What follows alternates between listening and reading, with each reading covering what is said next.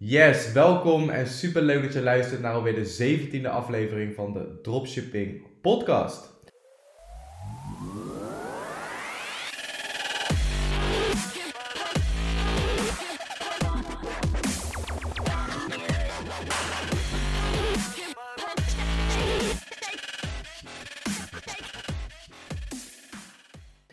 En in deze podcast aflevering wil ik een vraag met je behandelen.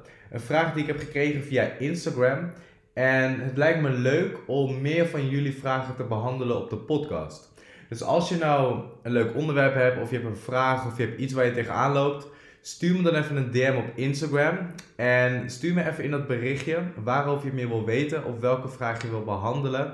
En zet er ook even bij dat ik dat moet bespreken in de podcast. En mijn Instagram is joshua-kaats. Um, en dan gaan we het gewoon doen. Dus ik ga ondertussen ga ik even een manier vinden, iets van een contactformulier of zo, om te kijken hoe ik jullie vragen kan bundelen, om dat uh, iets makkelijker te laten verlopen. Maar voor nu, als je vragen hebt, je hebt suggesties, je hebt onderwerpen, stuur me even een DM en dan uh, gaan we dat regelen. De vraag die ik afgelopen week heb gekregen is wanneer is het goede moment om te starten met mijn tweede webshop? En dit is gelijk iets wat ik, waar ik heel veel ondernemers in mijn omgeving uh, over zie struikelen.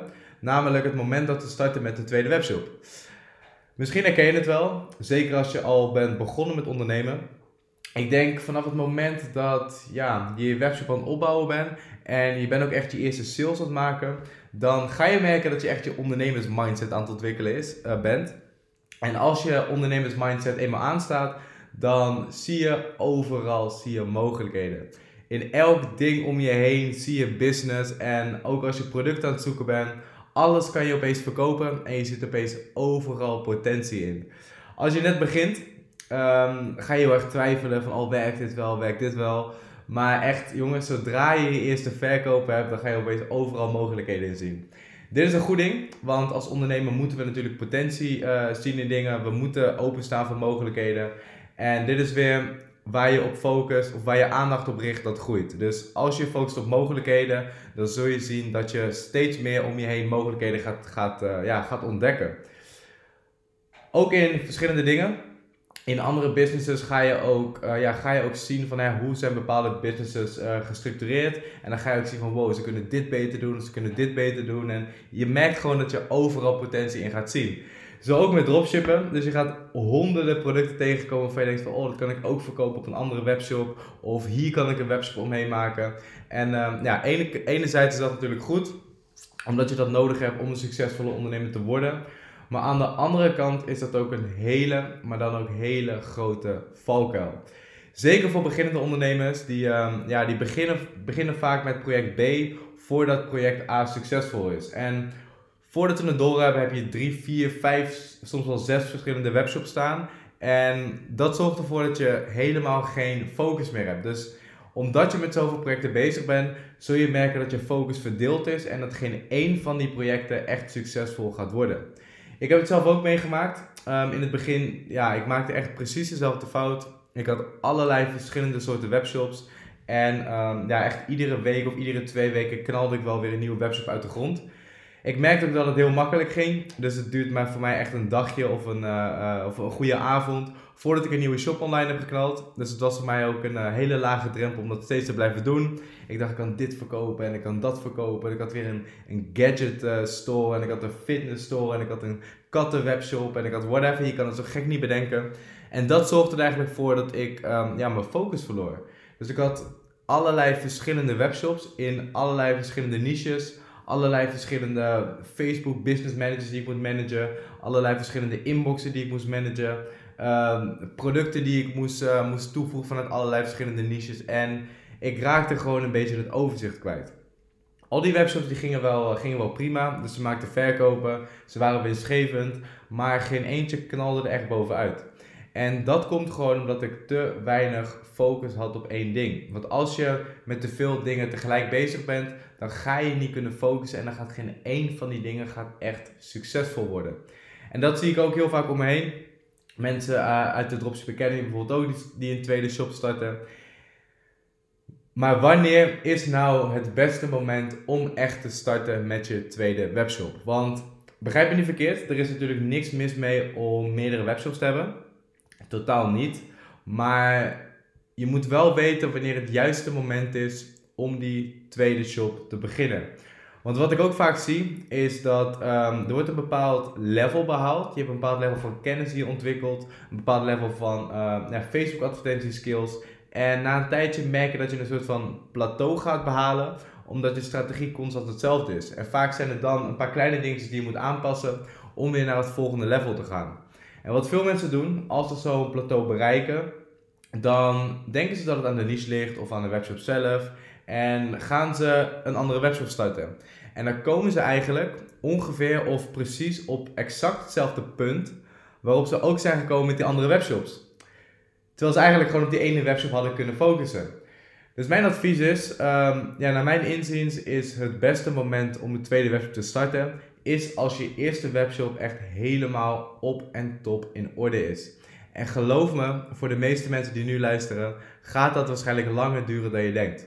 Want um, met op en top bedoel ik niet dat je een keer een 10.000 euro of een 20.000 euro of een 30.000 euro maand hebt gedraaid. Maar daarmee bedoel ik dat je een webshop hebt staan die helemaal klopt, helemaal geautomatiseerd is, um, die consistent sales oplevert, ook zonder dat je advertenties runt. Dus bijvoorbeeld door een goede e-mail marketing strategie of door een goede social media strategie. En als je zo'n webshop hebt die helemaal geautomatiseerd is, waarvan je weet van oké, ik hoef er vrij weinig aan te doen. En alsnog weet ik dat het de komende weken en de komende maanden inkomsten oplevert. En het kost mij nog maar een uurtje per dag. Dan zou ik zeggen van ga alsjeblieft starten met je tweede shop. Maar voor de meeste mensen die starten met de tweede webshop, die zijn hier gewoon simpelweg nog niet aan toe. En ik zie het continu en keer op keer zie ik dat fout gaan. Dus probeer echt te wachten met uh, project B totdat project A 100% succesvol is. En um, ik zie dat ik dat op dat punt nu een beetje ben gekomen. Dus um, als ik kijk naar mijn eigen webshop, ik heb nu ook één webshop. En vanaf het moment dat ik al mijn andere webshops heb stopgezet of heb verkocht, ik heb er een paar verkocht en een paar heb ik gewoon, uh, ja, gewoon stopgezet. En toen ben ik me gaan focussen op één webshop. En binnen no time ging die echt over de kop. Dus echt vanaf het moment dat ik die andere had weggedaan en 100% focus had op mijn ene webshop, toen uh, ging dat echt kei en kei en keihard. En dat zie ik ook bij de mensen om me heen. Als we weer even focussen, dan, uh, dan gaat het gewoon een stuk harder. En dan ga je er gewoon veel meer rendement uithalen dan, uh, dan al die halve webshops bij elkaar. En als ik kijk naar mijn eigen webshop nu, um, wat belangrijk is, als je start met een tweede project, is echt zorgen dat project 1 helemaal geautomatiseerd is. Dus probeer jezelf echt te verplaatsen van werknemer naar werkgever. Vaak als we starten, zijn we 100% werknemer in ons eigen bedrijf. En dat is helemaal niet slecht, want je moet natuurlijk, ja, je moet natuurlijk wel weten hoe de processen in jouw bedrijf eruit, zit, eruit zien. Dus vaak doen we in het begin zelf de klantenservice, we zoeken zelf de producten, we maken zelf de berichten op social media, we doen onze eigen advertenties, um, we reageren zelf op social media. Al die dingen bij elkaar zijn in het begin prima om zelf te doen. Maar als je een punt bereikt dat je, dat je wat harder gaat met je business, wil je zo snel mogelijk gaan, ja, gaan switchen van werknemer naar werkgever. En dan ga je echt een business runnen. Dan ben je niet meer aan het werken in je bedrijf, maar dan ben je aan het werk aan je bedrijf. Dus dan ben je aan het denken van oké, hoe kan ik processen zo efficiënt mogelijk systemizen? Dus dan ga je kijken naar oké, wie kan voor weinig geld kan mijn klantenservice doen, zodat ik zelf um, niet die uren meer hoef te besteden aan het doen van klantenservice. En dan ga je kijken van oké, wie kan mijn social media doen, zodat ik zelf niet iedere dag bericht hoef in te plannen. Of wie kan mijn advertenties runnen, zodat ik daar zelf ook niet iedere dag meer mee bezig hoef te zijn. En dan ga je echt systemen bouwen en dan ben je alleen maar bezig met, um, ja, met het strategische denken van het werken aan je business. En dat geeft ook ruimte om te groeien. Want vaak ook als je bijvoorbeeld zelf op de klantenservice zit en je gaat wat meer geld verdienen en je gaat wat meer orders maken, dan ga je na een tijdje ook merken van oké, ik maak meer orders, maar dan komt er ook meer klantenservice. En onbewust gaat dat, ga je je inhouden op hoe jij je marketing doet. Dus dan ga je ook minder groot, durven te, groot op durven te schalen, omdat je, dan, uh, omdat je ook echt ziet wat voor problemen daaruit komen. En daarom wil je daar, wil je daar gewoon niet, niet, niet bij zitten. Um, dat is ook de reden waarom heel veel grote bedrijven expres de marketing en salesafdeling niet op dezelfde locatie hebben als de klantenservice. Want je weet gewoon, je, krijgt, je hebt een bepaald percentage van de klanten dat zeurt of dat een klacht heeft. En ehm, dat percentage kan altijd hetzelfde blijven, dus dat, dat kan een 2% zijn. En als je 100 bestellingen per dag hebt, krijg je dus twee klachten. Maar dat betekent ook, als je 1000 bestellingen per dag hebt en het percentage blijft hetzelfde, zijn dat opeens 20 klachten. En als je opeens 20 klachten gaat zien en je weet van, oh shit, hoe meer ik ga verkopen, hoe meer werk ik heb aan klantenservice, dan ga je, ondanks dat je het misschien niet helemaal door hebt, ga je toch inhouden op de marketing. Dus wat je altijd wil doen is denken in systemen en denken van oké, hoe kan ik mijn business voor mij laten werken en hoe kan ik ervoor zorgen dat het grootste gedeelte geautomatiseerd is. En een vraag die je zelf ook kunt stellen is het volgende. Als ik nu meer klanten krijg, kost dat me vrijheid of levert dat me vrijheid op? Dus in mijn geval, ik heb heel veel geautomatiseerd. Het enige wat ik nog doe is uh, de Facebook advertenties. Ik heb iemand op de klantenservice. Ehm, iemand anders die zorgt voor de verwerking van, of tenminste het toevoegen van producten en de productomschrijvingen. En ik heb een VA in de Filipijnen zitten die alle orders verwerkt. Dus ik weet, als ik nu meer orders krijg, meer klanten krijg, dan levert het me vrijheid op, omdat ik simpelweg meer geld verdien. Als ik zelf de klantenservice zou doen, en zelf de orders zou verwerken, en zelf nieuwe producten zou toevoegen, en zelf mijn social media zou doen, dan, en ik zou 10% of 20% meer klanten krijgen, dan zou het dus mijn vrijheid kosten, omdat ik dan ook meer tijd kwijt ben aan het doen van klantenservice en al die andere dingen. Dus zorg ervoor dat project A helemaal succesvol is voordat je begint aan project B. En dat je echt als werkgever gaat kijken naar je business.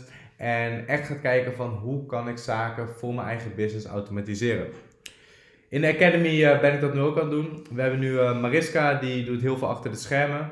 Dus die zorgt dat de administratie uh, goed gedaan wordt.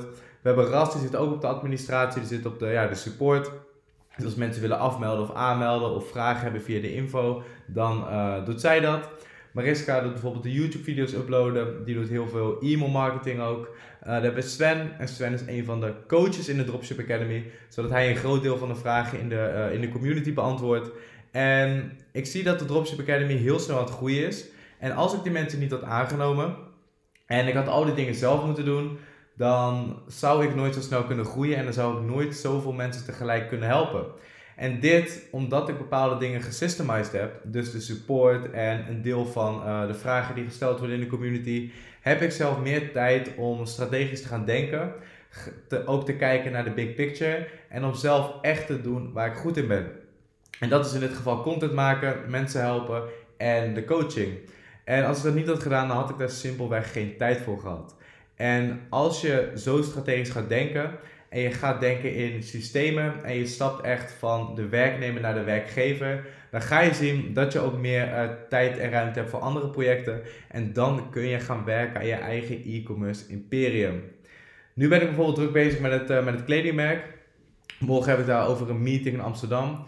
Dus uh, met mijn compagnon gaan we kleding kopen. Dus we gaan wat samples kopen voor de ja, voor de kleding die, uh, die wij aan het maken zijn. We willen echt de beste van de beste kwaliteit. Dus we gaan morgen heel veel designermerken, gaan allerlei dingen kopen om, uh, ja, echt om, om, samples te maken voor de fabriek. Zodat we echt de beste kwaliteit kunnen garanderen. Daarna hebben wij smiddags hebben wij een meeting met, met Auke. En Auke is de oprichter van Bol in Amsterdam. En dat ligt echt overal in Nederland in de winkels. Je ziet iedereen erin lopen. En ik heb het volgens mij al een keer gehad over ja, als je succesvol worden, zoek naar iemand die al succesvol is op dat gebied en leer daarvan. En dat gaan wij morgen doen. Wij gaan morgen naar Auka, heeft al een eigen kledingbedrijf dat super succesvol is. En uh, ja, gelukkig wil hij daar, uh, ons daarmee helpen, dus dat is uh, super tof. En in de avond gaan we nog praten met een investeerder. Dus iemand die, uh, ja, die het leuk vindt om in ons project te investeren. Dus daar gaan we s'avonds mee meeten. Even kijken hoeveel investering er nodig is, wat de plannen precies zijn. Kijken of we al wat afspraken kunnen maken. En uh, dat is super tof. En dit kan ik allemaal doen doordat ik de rest van mijn businesses um, voor een groot deel heb geautomatiseerd. Dus, als je erover nadenkt om een tweede webshop te starten, zorg eerst dat project A succesvol is. Zorg dat je alles gesystemized hebt. En zorg dat project A consistent inkomen oplevert zonder dat je continu advertenties hoeft te runnen. Als dat het geval is, start dan pas met je tweede webshop. Voor nu wil ik je bedanken voor het luisteren. En als je nou een vraag hebt voor deze podcast of een onderwerp of whatever, stuur me even een DM. Ehm, zet er ook even in dat het voor de podcast is, anders weet ik het niet. Dan ga ik gewoon random die vraag beantwoorden. Dus ehm, dan gaan we hem beantwoorden. Nogmaals bedankt voor het luisteren en ik zie je weer in een volgende podcast. Peace!